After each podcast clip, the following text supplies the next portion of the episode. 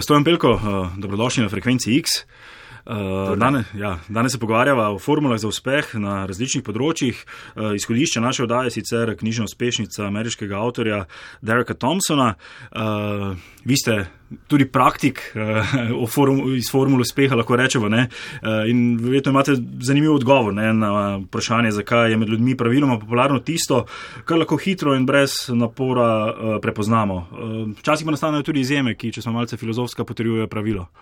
Hvala za namik na filozofijo, ker dejansko, ko se o teh temah pogovarjamo, se vidim vendarle kot uh, uh, študent filozofije. In rekel, ko se ukvarjamo s popularnostjo, skušam pogledati za njo. Dobesedno se vprašam, kdaj nekaj postane popularno in potem posledično, zakaj je popularno. In tukaj se mi zdi, da je preprosto ta, zadeva, ta, ta, bes, ta pojem, ta beseda preveč konotirana, da bi kar tako na prvo žogo skočili. Jaz sem trdno pripričan, da obstajajo določene avtentične želje ali pa potrebe, zaradi katerih nekaj, ali pa kvalitete, recimo umetniškega dela, zaradi, kater, zaradi česar nekaj res postane ljudsko, popularno med ljudmi.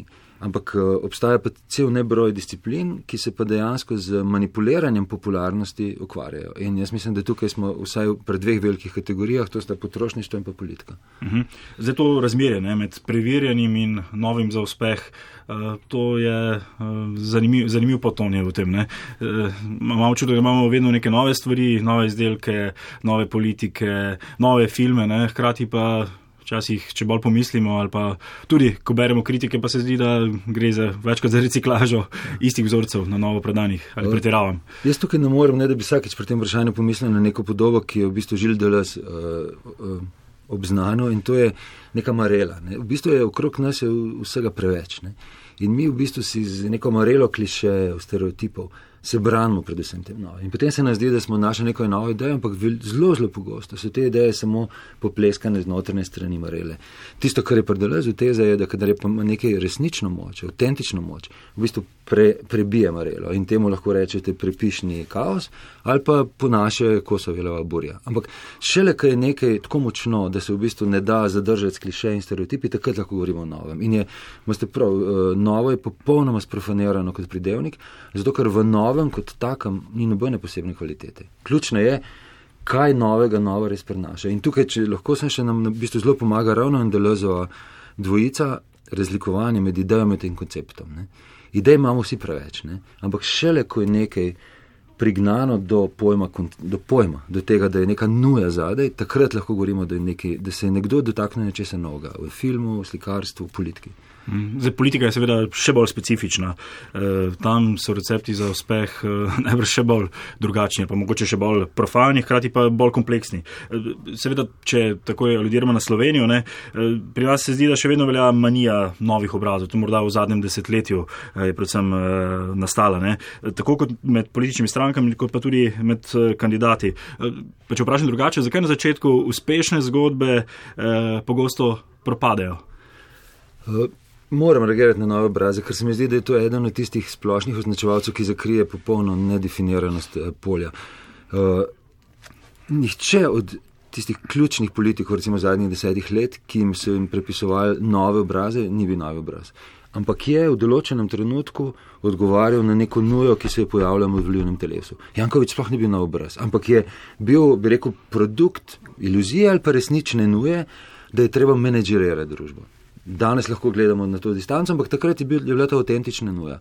Cerar ni bil nov obraz, 20 let na sceni, ampak se je pojavil v nekem trenutku, ko se je zdel, mogoče pa ne gre samo za menedžeriranje ali pa za desničarjenje, ampak gre za etiko pravno državo. Skratka, sem trdno pripričan, da ko začnemo na politične probleme odgovarjati z novimi obrazi, smo zgrešili poanto. Vedno lahko nekdo, pa tukaj vendarle govorimo o kandidatih za predsednika vlade za ključno izvršno funkcijo v državi. Reči, da je za to bi dovolj nov obraz, je preprosto nerazumevanje polja. Če po drugi strani, ne, pahor, fenomen pahor, se pa zdi, da vse skozi skuša si nadeti novo fasado, ne, postati nek uh, nov človek, nova podoba. Mogoče prosto po avtorju te knjige Thompsonu, uh, mogoče ga ljudje vrednotijo visoko, ker je enostavno ne vem razmišljati takoče in vedno igra novo, uh, v bistvu pa staro vlogo. Ne vem, on je 25 let, uh, poklicni politik. Ja, jaz, jaz sem bil opozoren, da bo prvič ta oddaja pred volitvami, ja. da, ampak namenoma ne bom pazil, kaj govorim. Mm -hmm. Nikakor ne mislim opredeljevati med obema kandidatoma, ampak bi pa red na nekaj opozoril.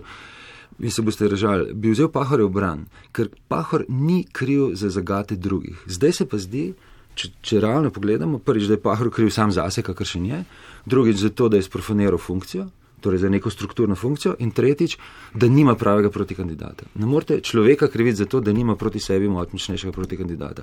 Nikakor ne mislim, bi rekel, da je v tej izbiri katera odločitev dobra, ker imamo na drugi strani pa na neko fa farsično ponovitev spet neke nuje. Jaz imam občutek, da bi se ljudje, in to govorim iz osebne izkušnje, ker sem z njim delal, da bi se ljudje želeli noga drnovška.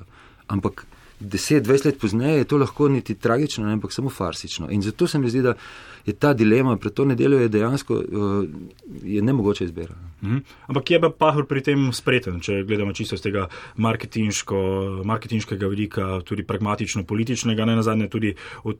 Iz tega vidika, o čemer piše avtor v teh ključnih uh, dilemah uh, o uh, prikazovanju, da ljudi ne, ne pripelje tako daleč, da bi se poglobili eh, v njegovo vlogo, v njegova stališča, v njegova ozadja. Eh, vedno znova nekako pripelje neko to uh, prvi vtis, če tako rečem. Ampak še enkrat, to ni njegov problem. Aha. To je problem medijev, ki tega ja. ne razkrivajo in konkurence, ki ga ne premaga. Je pa njegova spretnost najbrž, ne? oziroma njegova štaba. Jaz sem vsakič, ko sem v debatah poskušal čitati, joj, ne oglašaš se dovolj, mi šlo skozi glavo, ampak oglašuješ se pa skozi. Uh mhm. -huh. In potem ima efekt, ki ga ima. Ne? Mhm. Imate morda še kakšno zanimivo izkušnjo, uh, recept za uspešnico iz dela v političnem marketingu? Uh, vemo, ne, da ste pospremili tako spon, kot tudi potem propad LDS-a, tudi primer Vike Potočnike, naprimer, ne, uh, ki je bila velika favoritka na županskih volitvah pred dobrim desetletjem, pa je potem izgubila proti silno podobni kandidatki, če malce posplošni, ne, Danici Simšič, bili pa so tudi štabu Zorana Jankoviča, ki je začel nekako, kot ste že prevenili, s temi novimi obrazi, potrebi po menedžiranju. Morda, kaj ste se naučili iz tega? Ja, naučil sem se in jaz mislim, da se temeljno, ki se mora svetovati iz tega naučiti, je neka skromnost oziroma celo bi rekel ponižnost. Jaz mislim, da tisti, ki misli, da temeljno prispeva k uspehu svojega kandidata, je pač zgrešil poklic, je pač megaloman, ki predimenzionira svojo pozicijo. Nasprotno, jaz mislim, da imaš, če si v tej poziciji, na nek način včasih srečo ali pa nesrečo, da se pustiš angažirati nekomu, ki je v nekem, neki fazi nekega svojega vzpona. In ste prav detektirali, ampak bom zelo brutalno rekel. Uh, da bi Vika zmagala, ni bilo možno nič narediti, da je pa Jankovič zmagal, pa ni bilo treba nič narediti. Mhm. Razumete paradoks tega, da se na nek način znajdeš v neki družščini, kjer je seveda zelo precizno treba artikulirati sporočila, kjer je treba pomagati izostriti nekaj, kjer je treba se morda zmisliti kakšen štos.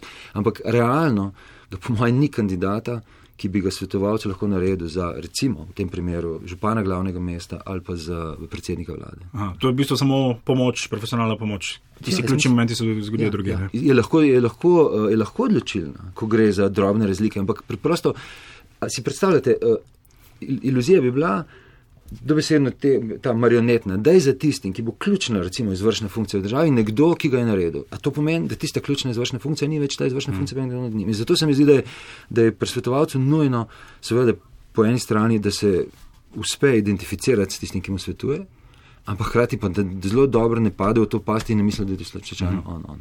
Tako da recept za uspešnico v politiki je verjetno še teže napisati kot v pop kulturi. Segela, ta francoz, katerem sem sodeloval, je rekel, da je recept v tem, da si najdeš pravega kandidata, se pravi tistega, za, za katerega veš, da bo zmagal. Sem to je bolj šalje rečeno, ampak dejansko je to je pravo razmerje pojmovanja med svetovalcem in kandidatom. Hmm. Med srečo, da lahko delaš nekom, ki ima realne, ampak govorim realne, govorim pa o zgodovinskih, razrednih, eh, ekonomskih, ideoloških, če hočete, pogoje za zmago. Ker tukaj obstaja ta neka temeljna zvijačnost zgodovinskega uma, kjer si lahko zraven ali pa ne, ampak ni pa tebe odvisno. Uh, začenja se festival Liv, filmski festival. Uh, naj navedem primer iz knjige. Uh, Avtor Thompson uh, piše, ne, da se skaže, da se dobre ocene filmov v večini primerov po zahtevnem naštevanju argumentov znižajo. Uh, več parametrov in analitičen pogled zmanjšajo morbitni prvi dobri vtis. Uh, to še velja tudi za druga uh, področja. Bom kar pri filmu stojil in bom rekel tako po Marksu, to je razlika med angliško empirijo in med francosko spekulativnostjo. Jaz sem tukaj absolutno francoski študent, jaz imam obratno izkušnjo. Jaz sem kot filmski publicist, sem bolj užival včasih ob pisanju in v refleksiji o filmu, kot v samem gledanju. In to celo mislim, da se da iz tega nek teoretsko konsekvence potegne. Jaz mislim, da eno je projekcija, v kateri te na nek način film navleče in te ima včasih skoraj na fizični ravni, bi rekel, te potegne emocije v strahu to.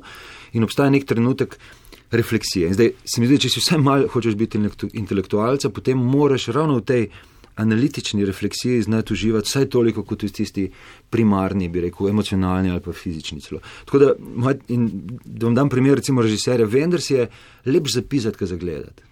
To sem že parkrat rekel, ampak dejansko to trdim. Vendar si je na neki ravni za gledanje doskrat naivan, banalen, ko ga pa na nek način analiziraš, diagramiraš, postaviš v nek kontekst, pa vidiš, da si v bistvu skozi pisanje o njemu včasih tisto, kar je Rostami govoril, nadgradil film. Jaz se trdim, da, za, da film prvič nadgradi gledalskega gleda, ampak tudi v interpretativnem postopku ga lahko nadgradiš. In ko sem rekel prej, da obstajajo teoretske konsekvence tega, jaz mislim, da obstajajo konsekvence, da mi, ko gledamo film, se vendarle bolj prepustimo vsebini, Ampak tam, kjer je pa temeljni catch filmske umetnosti, je v bistvu formalen. In zato smo recimo mnogi fani Hitchcocka, ker je uspel to dvoje spojiti, ker nas je v bistvu, ker nas ne peljuje z vsebino, ampak ti pa v bistvu analitično pogledaš, kam te je pripeljalo, vidiš, da je to v bistvu s formo, s filmsko formo. In resnični umetniki, po moje, v glasbi, v slikarstvu, v filmu so, so formalisti, ampak v tem pozitivnem pomenu, da obvladajo formo bolj kot drugi. Ne. Aha. To je zanimivo. Ja.